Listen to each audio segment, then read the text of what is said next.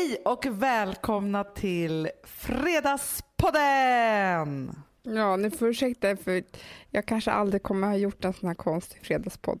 Nej, hur mår du egentligen Amanda? Jag är på bättringsvägen, annars hade jag inte kunnat göra det här men jag, jag är så sjuk så att jag har aldrig varit så här sjuk tror jag. Men beskriv, vad har du för sjukdom?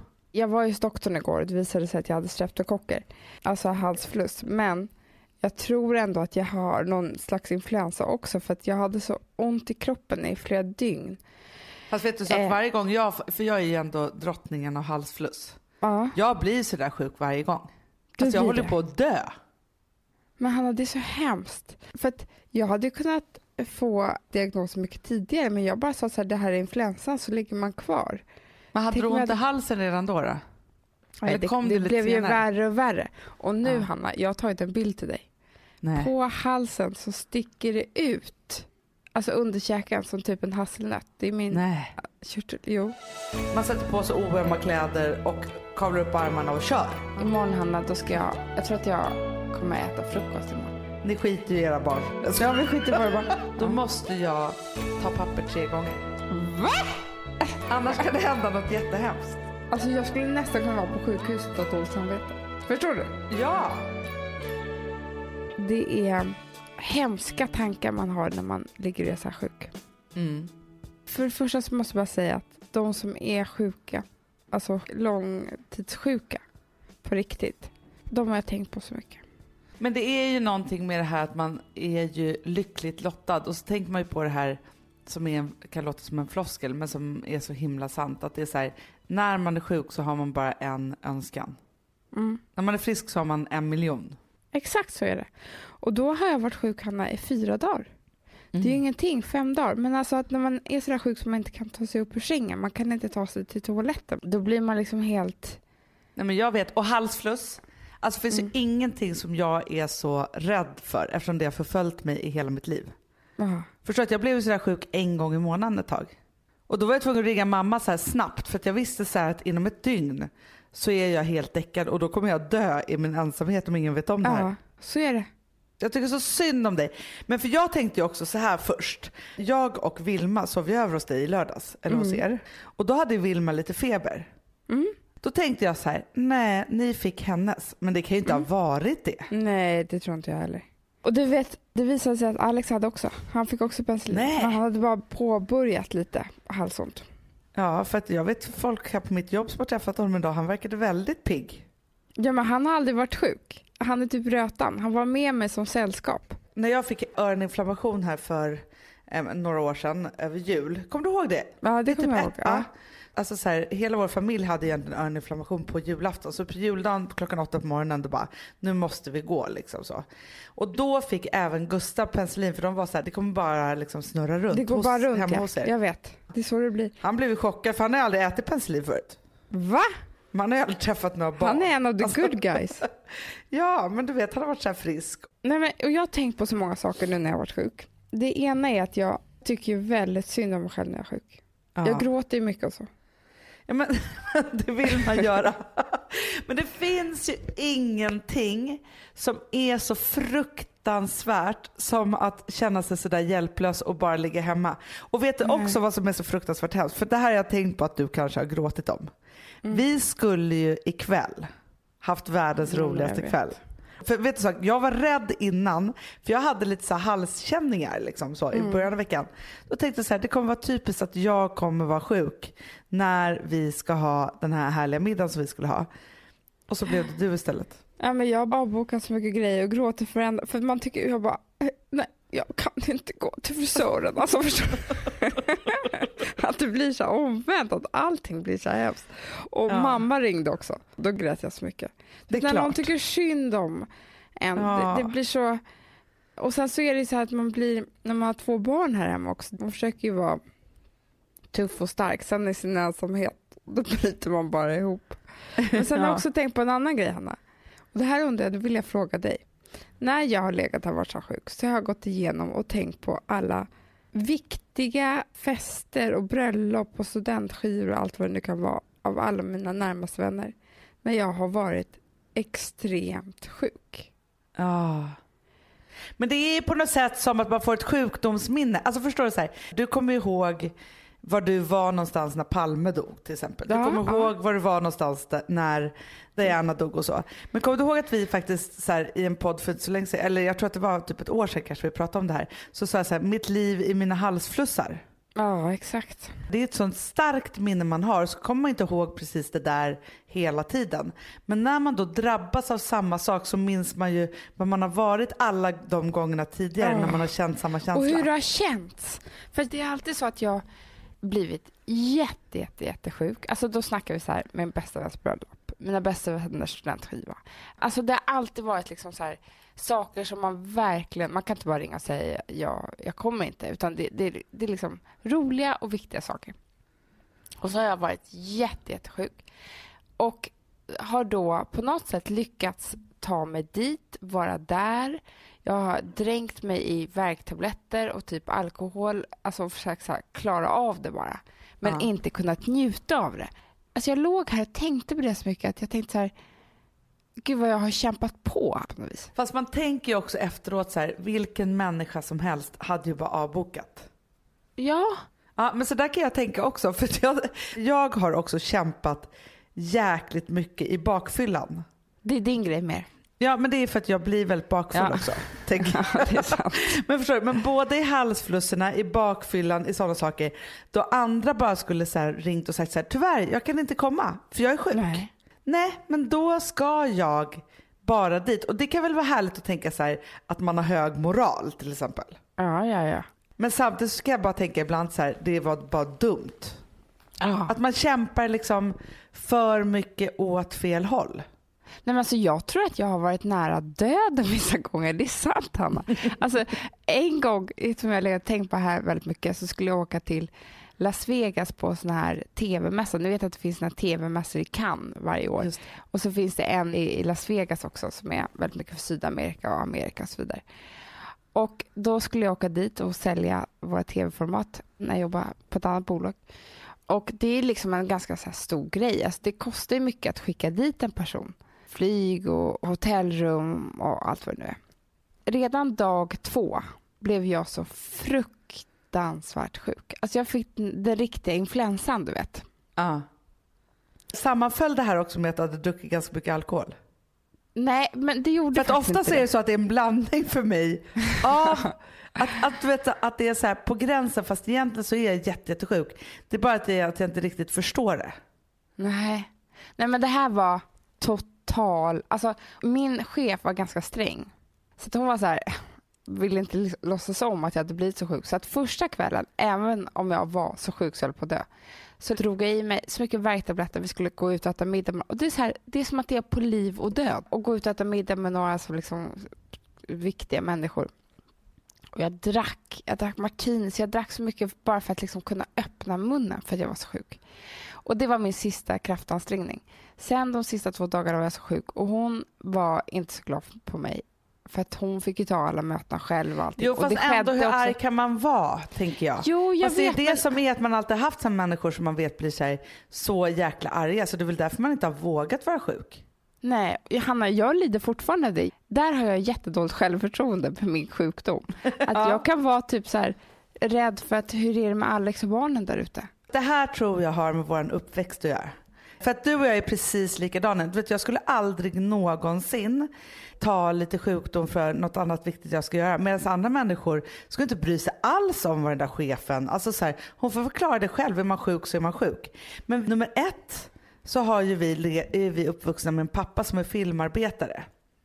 Och det har alltid varit så, så här, strängt i vår familj att det är så här, är man på en filminspelning då kan man inte bli sjuk. Nej. Man lägger sig liksom inte ner bara och sjuk utan då istället så proppar man i sig massa värktabletter och vitlök och bara så här rider ut stormen men man jobbar ändå. Exakt så är det. Nummer två är ju så här, vi har aldrig fått åka till sjukhuset. Nej men nummer två är också lite så här, eller nummer tre, att man, man är också lite svag när man är sjuk. Alltså det är inte, det är inte helt...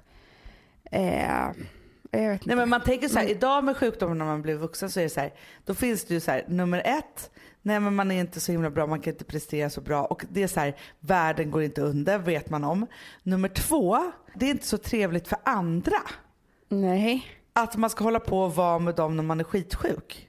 Precis, men jag har ingen sån här, hur sjuk måste jag vara för att det är okej? Alltså jag skulle nästan kunna vara på sjukhuset och ha dåligt samvete. Förstår du? Ja!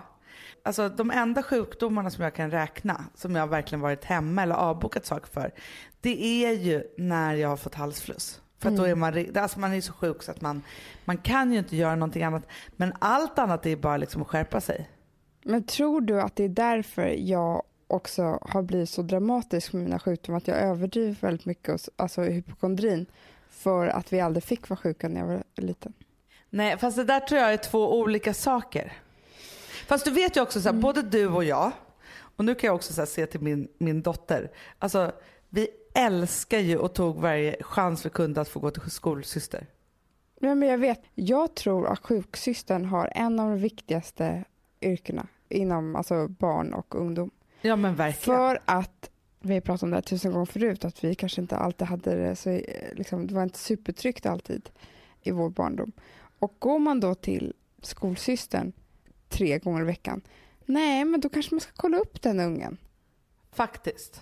Man får kolla upp Rosa hur hon har det egentligen. Nej men alltså. Nej men det är ju Förstår du vad jag med- menar? Att man, det Ja. är någonting. Jag kommer ihåg att jag gick ner en gång till skolsystern för att fråga varför mina händer var så kalla. Men man vill ju bara ha lite uppmärksamhet. Ja, Och att det skulle kanske vara lite synd om en. Men det är Ja. också det som jag tänker så här. För att vi har ju en, en underbar farmor. Mm. Men hon är ju som hon säger själv en mycket framstående hypokondriker. ja, ja hon är Ja. en av de värsta. Och hon har ju vandrande cancer. Väldigt, väldigt. Hon har ändå eh, också haft riktig ovanlig. cancer. Ja men jag vet och det var ju då det liksom tog slut så. Men från att jag föddes och du föddes och liksom så, så har det ju varit så att vi är uppvuxna med att hon alltid haft en sjukdom. Alltså även om man pratade med henne i telefon och man sa att jag är lite snorig, då fick ju hon den sjukdomen rätt över telefon. Ja, jag vet. Det Ja. där har jag ärvt. Och det här hatar ju vår pappa på ett helt otroligt sätt. Ja. Det här har ju gjort att han föraktar de som är sjuka. Ja, Ja. exakt så är det. Vilket gör att det är inte så konstigt att vi varken vågade vara sjuka eller ville vara sjuklingar. Om man ska ha någon som hatar en och föraktar en om man är Ja. sjuk. Och sen också att vi också är uppvuxna då med att våra mamma gjorde ett jäkla hästjobb när det gäller barnen. Mm. Och det fanns liksom ingen där som kunde hjälpa henne. Vilket gör att det är också såklart att det har fötts ett dåligt samvete i, alltså vi har ju dåligt samvete så fort vi inte är med våra barn. Så är Ja. det ju. Sjukdom eller ej. För vet du, jag kan Mm. säga så här, eftersom vi skulle ju då ha den här urhärliga middagen ikväll. Mm. Och sen så tänkte jag så här, när jag fattade att du var sjuk och så, så tänkte jag så här, nej men vi bokar inte av barnvakten. Nej, det är klart För vi att vi måste göra någonting annat jätte, jättetrevligt. Fast Ja. vet du vad som hände med Amanda då i morse? Nej. Vet du hur dåligt samvete jag hade när jag skulle lämna då Vilma på dagis och farmor och farfar skulle då hämta henne och hon ska sova där, vilket hon älskar. Ja. Och Rosa skulle vara en extra natt hos hennes pappa. Mm. Nej men jag har lite dåligt samvete idag. Mår lite dåligt över att jag har lämnat bort mina barn. Jag vet, men alltså jag hatar dig och mig för det. Alltså jag gör det faktiskt. Jag föraktar oss. Alltså jag tycker att det är helt sjukt hur man kan vara så dum i huvudet som vi är. Ja, För istället för att liksom bara här- tänka så här, det är en bonus för dem båda. Rosa ska få vara med sin pappa, Vilma ska få ha allt fokus och mys hos farmor och farfar. Och hon har inte varit där på jätte, jätte, jätte, jättelänge. Nej men liksom. vet du Så. vad Hanna? Det är också så här. Vilma kanske också kommer ha en mamma och pappa som håller ihop. Som inte skiljer sig. Eller vad det nu kan vara. Det kan man göra ändå. Men jag menar man måste ha de här, och jag, liksom, alltså så här trevliga ensamstunderna. Det är då man så här limmar.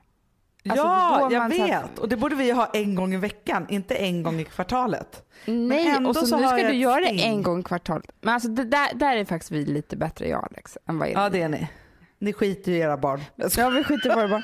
Nej, men jag, vet du vad jag tror att det är, Hanna? Att Ja. Vi fick ju barn så otroligt fort, Ja. alltså i vår relation. Vi har ju liksom nästan aldrig setts utan att jag var gravid.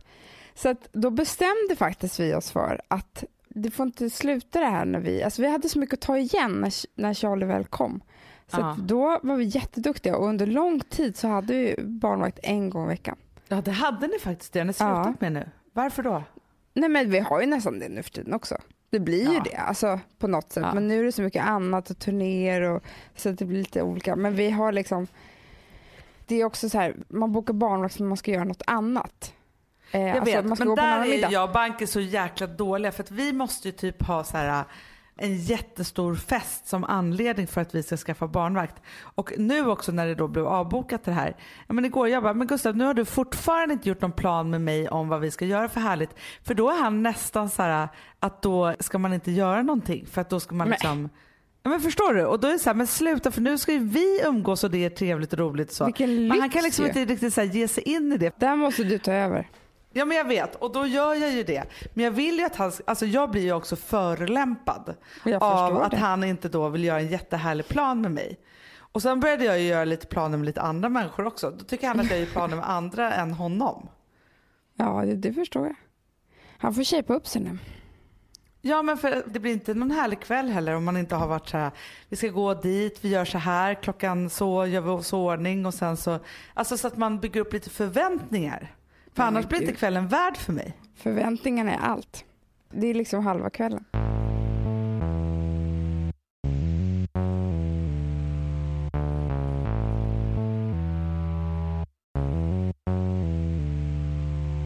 Amanda, vi är sponsrade av Sambla.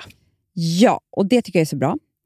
För att just också i dessa tider, Hanna, men Mm. oavsett, så är det ju jätte, jättesvårt det här med lån och långivare och vad man ska ha, liksom vad man ska kräva och vad som är bra och dåligt och alltihopa.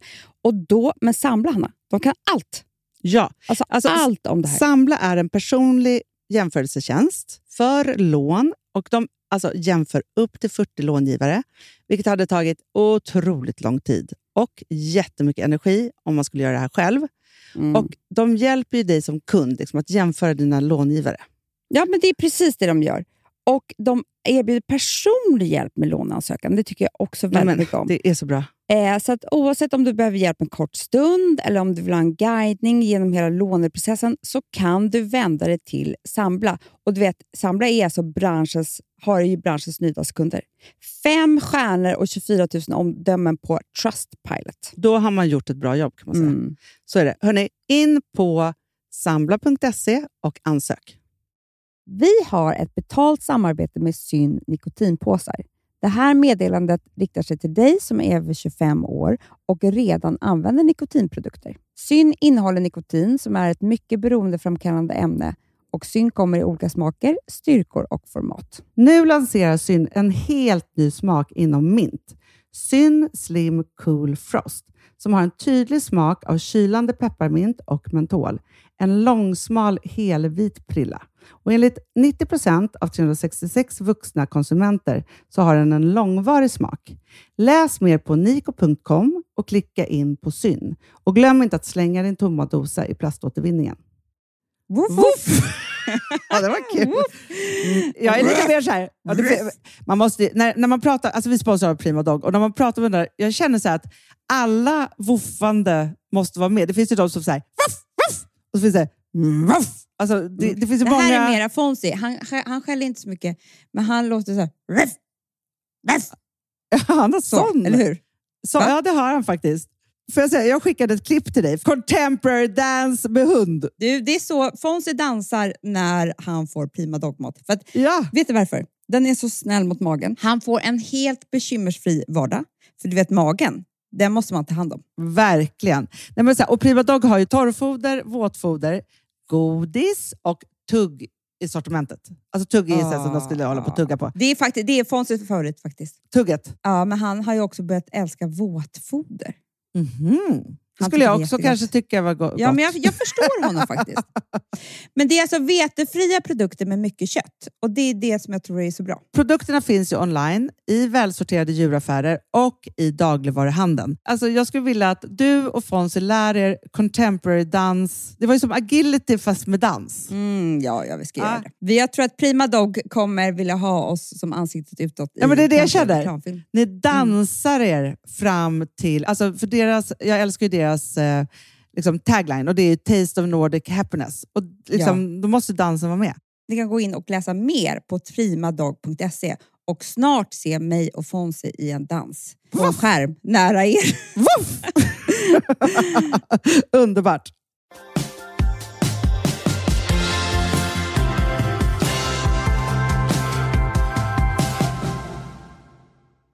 Igår så låg jag här i sängen och då så, då, alltså, du vet det är jag som tvättar här hemma. Ja. Eh, men då såg jag hur Alex höll på att lägga i en tvätt. Ja. Och då när han höll på att göra det, då fick jag som tvångstanke för jag var tvungen att gå och titta om Frances så Du hasade det upp. Jag gjorde det. Men jag tänkte jag så bara här, kolla? nej, han har ingen koll. Hon kan vad. Amanda, hon är nu för stor ju för att ens komma in i hålet med tvätten. Men det vore så fruktansvärt. Ja, men det är klart det vore det. Det kommer ju också vara så här världsnyhet. Du vet så här som när man läser om konstiga föräldrar som har gjort någonting på sina barn i Frankrike. Typ, eller så, här. så kommer det vara liksom i andra medier ute i världen. Bara, Swedish mom laundered her baby. Så man bara, åh nej gud vad hemskt. Så kommer det vara. Ja, det är så typiskt. Fy Ja. fan. Sen vi pratade om det här, tvångstankarna, så känner jag att jag har några att bekänna. Så Ja, du inte var redo att bekänna förra, för, Nej. förra gången? Ja, berätta.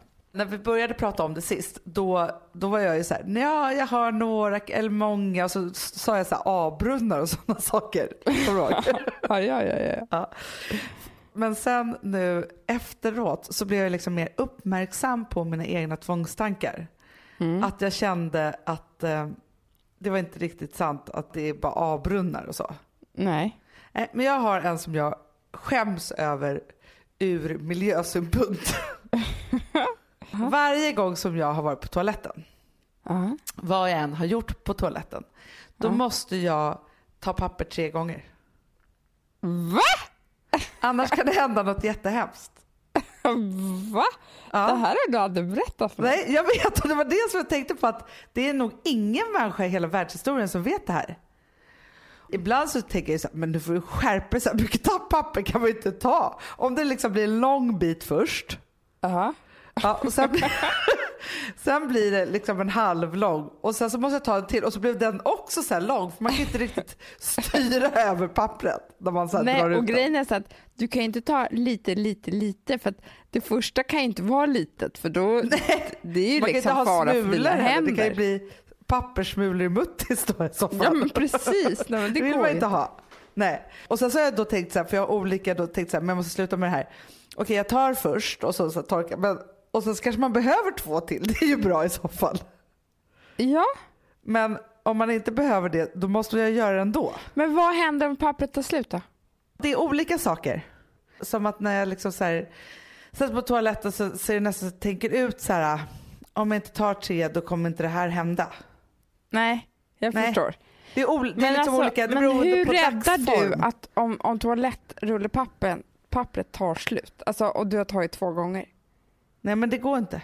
Det går inte, då delar du upp. Om du ser att det är lite på papper. Nej jag kan inte dela upp av det jag redan har tagit. Nej, nej, men alltså när du ser. Ja fast då tittar jag innan och sätter dit en. Men sen så har jag en till som är helt sjuk men den här har jag slutat med sen jag blev en gift människa så. Aha. ute på krogen. Så, vet, så, här, ja, så har man jättekul och så går man in på toaletten och ska man kissa. Och då är det så här, för att det ska bli en riktigt lyckad kväll och jag ska få den där killen jag vill ha, då måste jag ta Ja. sex stycken.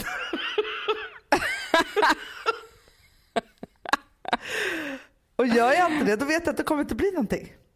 Men gud! Men Alltså- herregud. Alltså du är ju jag-. Ta jättemånga och då kan jag också få väldigt dåligt samvete för det kan ju också först vara toalettpappret och sen också det man, när man tvättar tänderna. Åh gud. Om det är pappersservetter liksom. Om det är handduk gills det inte. Men gud vad jobbigt. Men alltså då Det är ju en riktig tvångstanke. Ja, det är det jag vill säga. Verkligen. Och den här har du bara haft gömd. Mm. Och jag har haft den ju alltså sen jag var tio år. Va? Alltid. Men vet du, nu när du har berättat den Ja. så kanske det mildrar lite grann. Nej. Jag tror det kommer bli värre. För nu är det som att jag liksom har slagit fast den riktigt och sagt den högt. Alltså du och jag tror ju väldigt mycket på så affirmationer, att man ska våga Ja. säga saker och ting högt.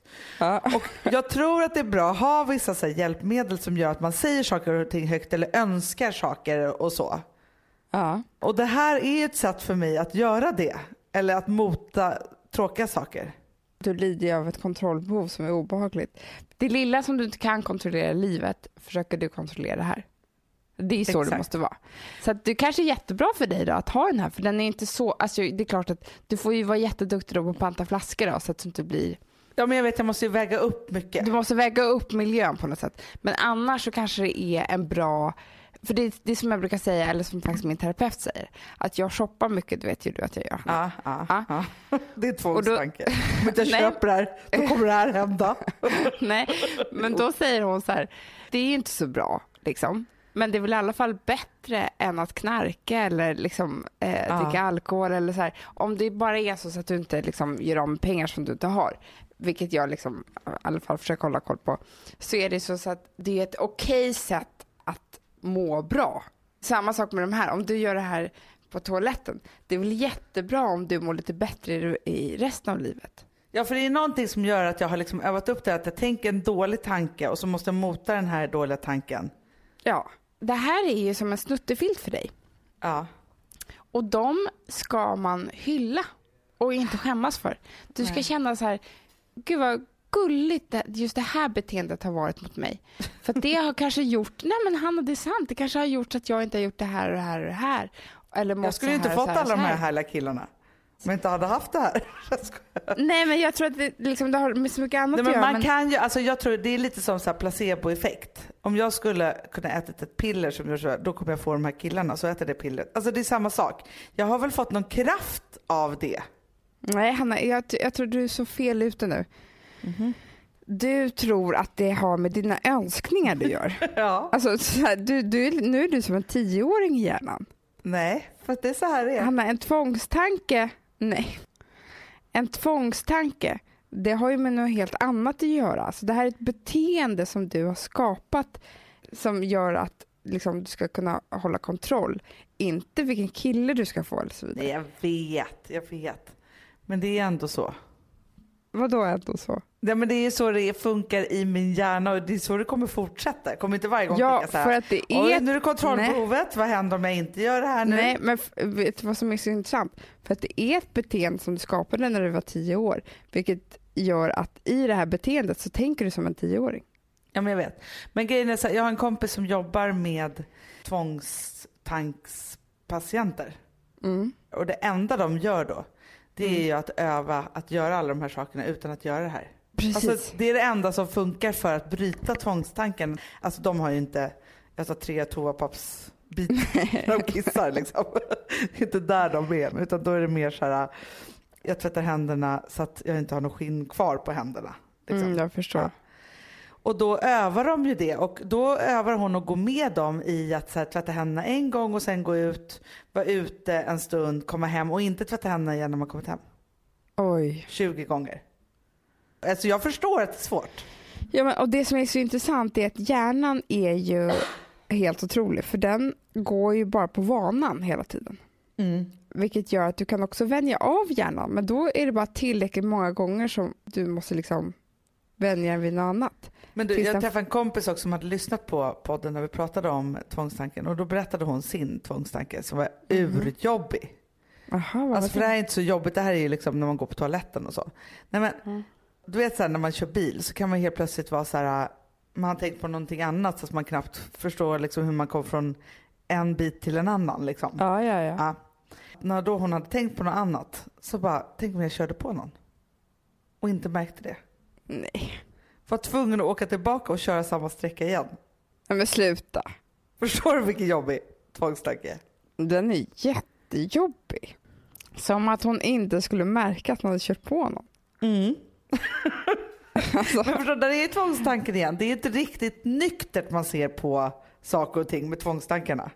nej, Skulle du inte märka om Frances låg i tvättmaskinen när du satte på den? Skulle du inte se alltså, henne då? Eller skulle hon inte jo, låta där då? i. Det är det som är så hemskt när jag satt du på. måste ju För först... det har jag märkt med min nya tvättmaskin, att det går inte att stänga av när man väl har satt på den. Nej, men innan du ens har satt igen locket. För först måste du in med kläderna, sen ska du in med Frances och sen så ska du ju då... hon kanske kryper in, jag lassar i.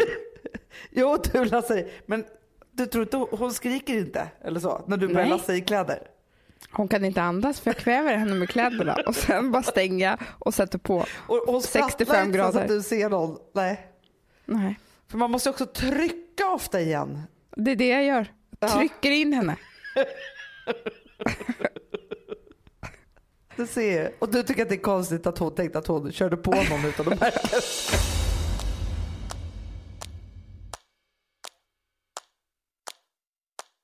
Både jag och Alex är väldigt, väldigt lika när det gäller Ja. många saker. Och det kan ju vara bra för att man förstår varandra och man är liksom rätt så här sköna typer med varandra för att vi liksom, ingen av oss är sträng.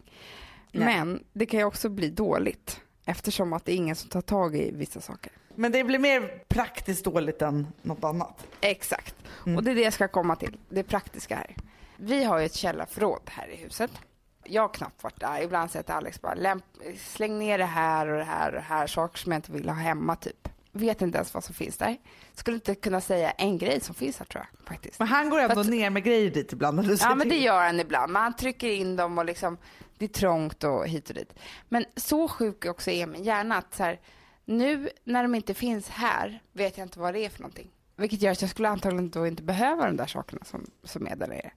Men så hände det häromdagen att det började ringa på vår telefon och knacka på dörren klockan tio på kvällen och det var liksom en ganska stor grej. Och då är det att det blivit en liten vattenläcka inne i vårt källarförråd. Oj. Vi var oj, oj, oj, oj, tack så mycket, tack liksom, för informationen. En vecka senare så är vi så här, gud, vi har inte ens kollat där nere. Men, För, för mig är det inte ens viktigt, för jag vet ju inte ens vad som finns där nere ens. men var de oroliga för huset eller för grejerna ni hade där nere? För grejerna vi hade. Det hände också en annan familj och jag menar, de gick ju in, såklart in och städade upp och, och så här, vad kan förstöras här och inte förstöras och torkade av. Alltså, förstår du? Jag fattar.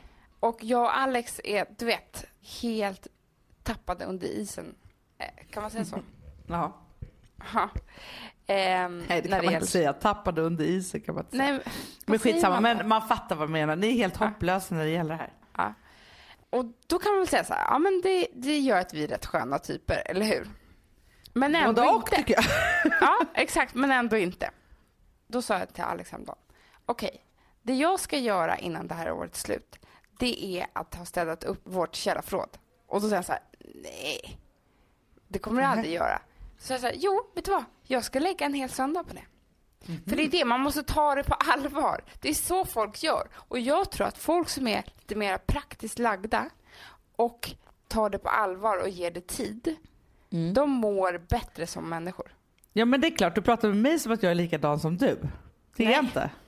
Hanna, det du visste. Nej det är jag inte Amanda. Hanna, din förra lägenhet, du hade inte ordning och reda. Det var tvätthögar hit och dit. Alltså så här, Jo nej. fast det är en sak, men Nej. jag lämnar inte Gotland vind för våg varje år. Nej, nej, nej. nej. Okej. Det tar jag hand om för där kan det bli vattenläckor. Jo, jo, men det är bara, jag menar så här. Nu har jag, jag har städat ut alla mina kläder. Ja. Det är så fint här hemma. Allting som jag har är fint och vackert. Det är ju ett av våra steg ju. Att vi skulle rensa ut allting som inte var bra och som inte ska vara här. Jag till och med häromdagen städade mitt egna städskåp. Det är helt sjukt ju. Alltså, Nej men det är jättebra. Ja, det är helt bra. Och så tänker jag så här. När jag var ung, då var jag en sån som hade massa psykiska defekter, eller vad man ska säga. Då brukade jag liksom vifta bort det och säga att jag, så här, att jag var lite vild och galen. Alltså du vet så här, men så här är jag. Men så här är jag liksom. alltså förstår du? Att du, Ja, jag jag gjorde det till något annat. Och då känns det som att jag har alltid haft det där källarförrådet. Du och jag som gillar att jobba med liknelser. Mm. Både rent praktiskt, alltså fysiskt i livet, men också psykiskt. Någonstans är det så att man ofta har någon sån sak som man liksom väljer att låtsas att man skiter i fast det egentligen är ett större problem än vad det är. Ja, och då tänkte jag så här, nu är det slutet på Golden Year. Och då är det två saker jag ska göra. Jag ska titta ner i mitt psyke och leta fram. Det, det är där som jag har stängt dörren till. Det är där som jag liksom låtsas vara lite sopor som jag inte behöver bry mig om. För att det, det kan vara så, eller du vet. Och jag ska IRL också städa mitt källarförråd. Alltså det här är de två stegen jag har kvar känner jag. Ja, men det är två jättebra steg tycker jag. Alltså det är fantastiskt. Eh, jag håller på att läsa in min bok Sex and mammaliv som jag Ja. ju skrev, eller som kom ut i våras. Och nu håller så jag på kommer läsa in pocket den. nu va? Också. Ja, den kommer i pocket nu. Eller i ja, 6 december tror jag. Eller så här. Och samtidigt då så kommer den som ljudbok på Mm. Storytel. Och så man kommer kunna köpa den som CD också. Så här. Men i alla fall, då var jag tvungen att läsa den här boken igen. Och den här boken är ju verkligen ett tidsdokument för mig. För att Ja det det. när jag skrev den här boken, eller liksom det som blev boken, liksom grunden till det var ju liksom precis efter min skilsmässa. Mm. Då jag hade extremt stora ekonomiska problem. Min ekonomi var min källare. Det var ditt källarförråd. Ja. Nej, men alltså, det har tagit mig nästan tio år att bli en, en bra, alltså så här, att, att ha ordning och reda på min ekonomi. Jag har inte idag någon ångest för när det kommer räkningar. Jag har ingen ångest för att betala dem. Jag har ingen ångest att titta på mina konton. Jag tycker att det är ganska roligt med min egna ekonomi.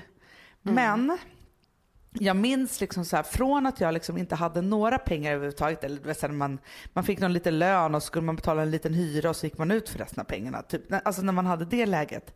Redan då så mådde jag så fruktansvärt dåligt varje gång jag skulle förhandla några pengar, alltså lön liksom så. Den där hyran kunde komma för sent. Trots att jag hade pengar på kontot. Och sen så, det som verkligen blev uppenbart var ju sen när jag gifte mig med en man som var precis som jag. Och ännu värre när det gäller det här med ekonomin. Det gjorde ju också att det verkliga, verkliga skälet till att jag verkligen liksom var tvungen att bara liksom dra och skilja mig och alltihopa. Det var ju för att det var en ekonomisk katastrof. Alltså en fullständig ekonomisk katastrof. Och det gjorde ju att jag var tvungen att ta tag i det här. Men jag hade kunnat ta tag i det lite halvt. Men jag bestämde mig för att så här, se sanningen i vitögat, kopplade in liksom en ekonomisk jurist, gick igenom alltihopa. Jag gjorde allting som man ska. Och fortfarande så kan jag ju bli drabbad av det här. Och då blir jag så här, jag blir så ledsen.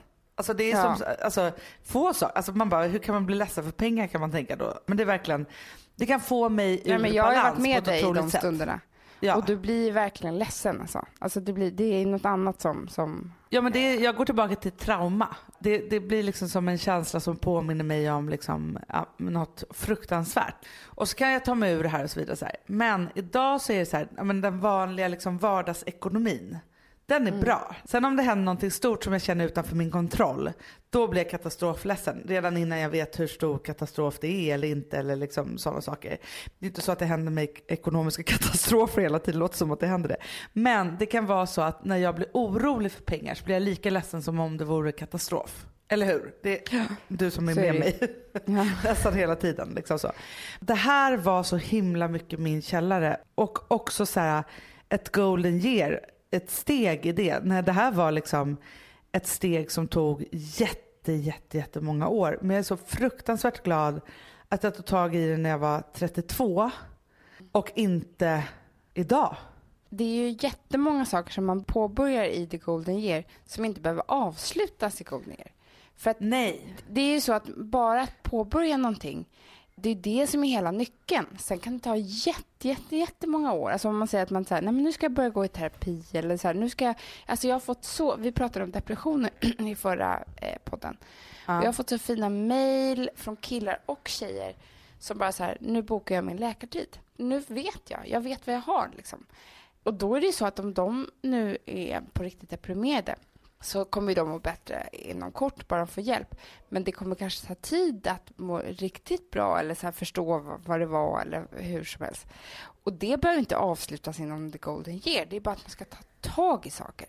The golden year är nyckeln till ett bra liv. Ta makten över ditt liv och göra det du ska och, och förstå och om, om man kan ha någon, lära sig någonting av det här avsnittet så är det väl så här, vad är ditt källarförråd? Det där som du liksom så här, har bestämt Man måste dig gå för. ner i källaren där och Ja, man måste titta på vattenläckan och Ja. se vad som har blivit blött och liksom börja reda i det där. För det är så här, vi kan ha hur fint som helst här uppe. Alltså det kan vara flawless med så mycket vackra blommor och vi kan sitta och dricka ett dyrt vin och titta varandra i ögonen.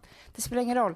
Vi kommer aldrig ha 100% trevligt om vi har den där skiten i källaren. Och Det Nej. är det jag sa till Alex. Han har for, han, det, han, det har liksom inte nått honom riktigt. Men då får man ta tag i det själv. Alltså då är det, Ja. det är min grej. Jag älskar ju också så här, man sätter på sig oömma kläder och kavlar upp armarna och kör. Ja, finns det är underbart. som är så tillfredsställande som fysiskt arbete. Det är som att så här, Nej, men man har man på jättestökigt allvar. jättedåligt, då är det så här, nu måste jag börja städa. Mm. Ta det på allvar och göra det precis som allt det andra. Det är lätt att se det här i psyket och i riktiga livet. Att det finns Mm. alltid liknelser. Man arbetar på något sätt på samma sätt på alla plan. Ja. Jag tänker också att det är så viktigt också att komma ihåg liksom vilka steg man har tagit. För det var det jag skulle säga också med när jag då läste in min bok. Att Mm. egentligen så är det så här, jag förstår alla som skriver dagbok. Man Mm. borde egentligen göra små noteringar om hur man mår och var man är någonstans i livet och så. För att, så här, idag så tycker jag så här, men nu är jag någon annanstans och jag har inte de problem så här. Men när jag läser om hur och vem jag var där och då så tänker jag att jag har gjort någonting otroligt de senaste åren. Ja. Att tagit mig upp ur det där. Men du, vet du, också från det. För att under den här perioden när jag skrev den här boken så var jag faktiskt, jag tror att jag aldrig varit så fattig i hela livet. Jag var verkligen jättefattig och man känner ju faktiskt att det blir väldigt mycket mer uppenbart hur fattig man är när man har andra man ska försörja. För har man bara sig Såklart. själv så är det så här, när man äter nudlar så tänker man inte så mycket på det. Och jag hade Nej. verkligen så här 1,50 som jag vände på. Men som tur var så hade jag ju liksom men er, min familj och mina vänner som tog hand om mig på liksom allra bästa sätt. Just att det finns väldigt mycket så fattigdom i Sverige idag har gnagt i mig jättemycket den senaste tiden. Mm. Och jag tror att det är så här, varför det har nått mig så starkt är för att jag, jag kan förstå den otroligt så här hopplösa känslan i att inte veta hur det ska reda upp sig när det gäller det där med pengarna. Och då säger det så att det, det har startat en, en helt fantastisk sak på Facebook som heter Matkassen. Ja, jag vet. Och man blir lite förblindad av det för man tror att det är så Linas matkasse typ som ska komma. Alltså något sånt här lyxproblem att man liksom inte har tid att laga mat typ. Men det här är livsviktigt. Och det startades av en privatperson och hela idén var att liksom, ibland som familj så hamnar man i liksom, ja, men ett läge där man inte har råd att köpa mat eller kläder eller Mm. liksom Mellan nu är. stolarna som de ofta skriver tycker jag är så fint. Ja. Och egentligen behöver man inte förklara så mycket varför man har hamnat där. För ibland gör man det. Liksom, det finns Ja. tusen olika anledningar till att man, man gör det. Men då kan man som privatperson gå in och, och hjälpa till där. Och folk är helt otroliga på att hjälpa de här familjerna. Och sen så såg jag faktiskt igår kväll så såg jag Så mycket bättre. Som Mm. handlade om Ken Ring såg jag igår för jag såg inte det i lördags. Mm. Och då blev jag också drabbad av att han ju var hemlös när han var 13 år Mm att det sociala skyddsnätverk som vi ska ha i Sverige verkligen inte fungerar när det gäller honom. Och han har gjort så mycket dumt och jag försvarar inte det överhuvudtaget. Men alltså det är klart att det blir knasigt när man är 13 år och inte har någon som tar hand om en. Ja. Jag tittade eh, igår på, det är det jag gör nu för tiden, tittar på tv dagarna och kvällarna och nätterna. Och då tittar jag på så här 112, Liv och död eller vad det heter. Och då är det ofta väldigt eh, många människor som det är synd om som är hemlösa och de är alkoholister och de tar droger och hit och dit som hamnar i slagsmål och misshandlas. Och, alltså, du vet, det är misär som man får se. Mm. Och det som slår mig hela tiden när jag tittar på det här det är att då är det liksom till exempel som igår en person som har varit hemma hos någon med kniv och varit jätteaggressiv och försökt, eh, ja, jag vet inte vad han har gjort. Han har, han har inte lyckats att, att skada någon ordentligt, vilket var tur. Han har kommit hem och slagit sönder hela sin lägenhet och eh, polisen kommer dit och han bara säger okej, här är jag. Liksom, han fattar ju varför de är där. De tar honom in till polisstationen och sen säger de en spiker efteråt och han fick ett års fängelse för försök till grov misshandel. Och då bara Mm. tänker jag så här, den här människan, han behöver ju vård. Han behöver väl inte fängelse? Han mår ju inte bra. Han tar droger och har aggressionsutbrott liksom, med kniv. Han har ju en skadad eh, själ. Liksom. Alltså, han är trasig. Han behöver ju vård. Mm. Kan inte du känna så? Jo men absolut. Jag kanske jag kom bort lite från ämnet, på- för jag tänkte på Kendring där du sa liksom att man får inte göra dumma saker. Men det är klart att det, det finns massor av eh, tråkiga konsekvenser med att, att inte ha mått bra Ja men det är klart och det, och, och det är också det som jag tänker på då. För det är lite som när vi pratar om skolsköterskan och liksom sådana saker här. Att det känns som, just nu med den här matkassen och alla dessa liksom personliga liksom givare som på en gång åker hem till de här familjerna och ger dem liksom mat och kläder till barnen och så vidare. Så, här, så känner jag så här, det kanske håller på att bli en förändring och om det inte är så att vi är en förändring då måste vi skapa en förändring där vi alla hjälper till att ta hand om alla barn vi har i Sverige. Den här matkassen den finns ju på Facebook, eller hur? Ja. Och den heter bara Matkassen. Och där Den kan heter man gå in och Matkassen, det är hjälpa. sån grupp är liksom gruppen. Liksom. Så det är en grupp som man kan gå in och lajka och som de har startat. Och den är helt fantastisk.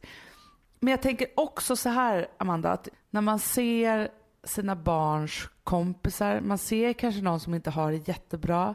Alltså så här, att försöka liksom hjälpa till. Jag blir helt galen när jag tänker på att så här, för de behöver blöjor, de behöver barnmat och de behöver någon jacka till någon tioåring. Och då bara tänker jag så här, men alltså jag vill, jag vill gå ut och köpa allt till dem. Eller jag vill ge bort allting Ja, som jag har som man man- inte behöver. Man har ju massa saker hemma. Alltså vi behöver inte tre jackor. Alltså förstår du, det är så man kan känna också. Det är det som är så härligt när jag rensat ut. Att man, man känner att man behöver inte så mycket. Men man kan hjälpa till? med det man redan har. Det är inte så att man behöver vara Nej. jätterik och liksom ge så här. Men framför allt också så tänker jag på att så här, lyfta blicken lite och liksom så här, ser man något barn där som kanske inte är där det ska vara eller alltså så här, att man ställer frågan varför och varför är de här och varför gör de si och så.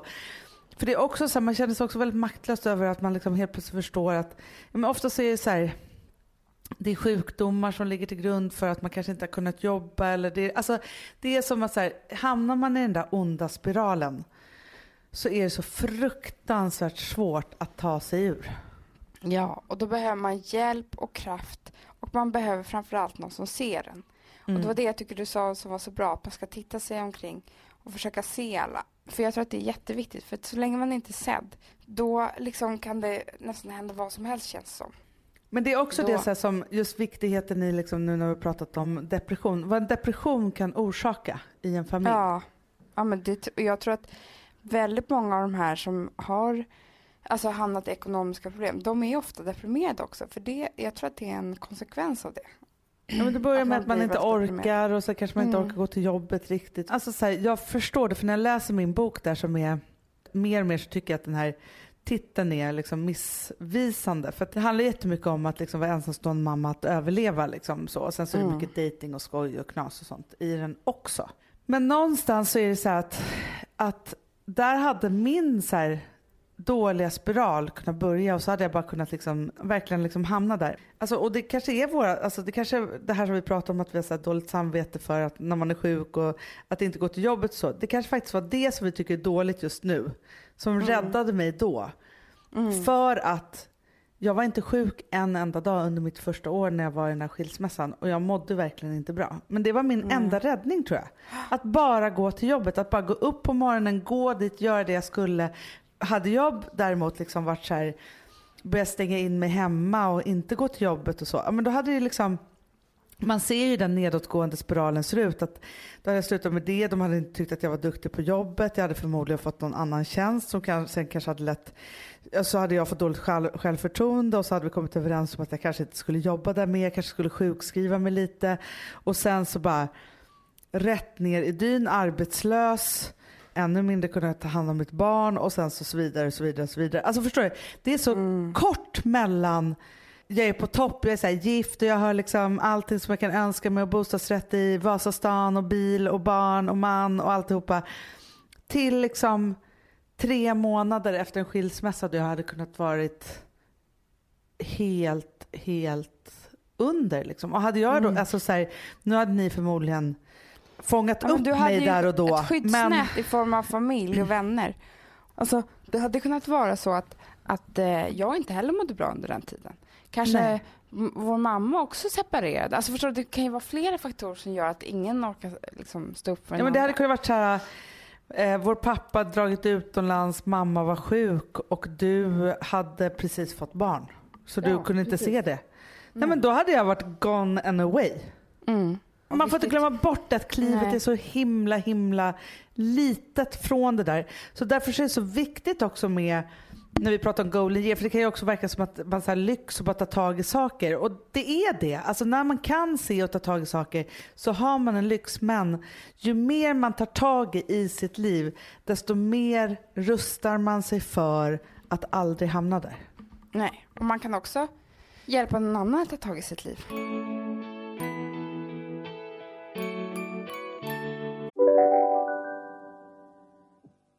Om en så vidde på väg till dig för att du råkar ljuga från kollega om att du också hade en och innan du visste ordet av du hem kollegan på middag och...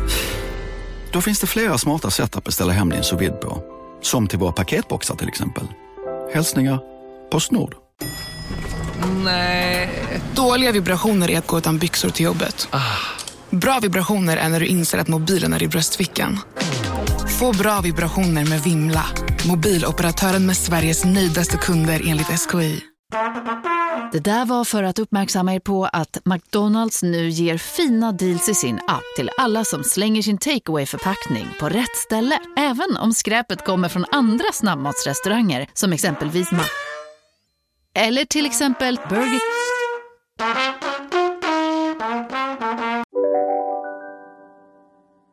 Imorgon Hanna, då ska jag, jag tror att jag kommer äta frukost imorgon. Åh. Kommer bli Glass kan du äta ikväll kanske? Ja, men du vet hur det är med glassen för mig. Ja, då kan du inte sluta. Så mår jag jätteilla. Ja. Men du, Amanda.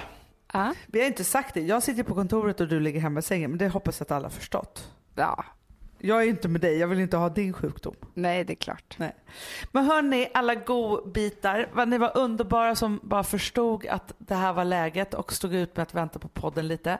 Jag måste också säga att jag älskar att få era Golden Year-historier mejlade till oss. Hanna, jag fick sån rysning. Kommer du ihåg hon, en tjej här som hade haft jätte, jätte mycket problem. Alltså det var, det var verkligen alltså bland det tuffaste jag har hört.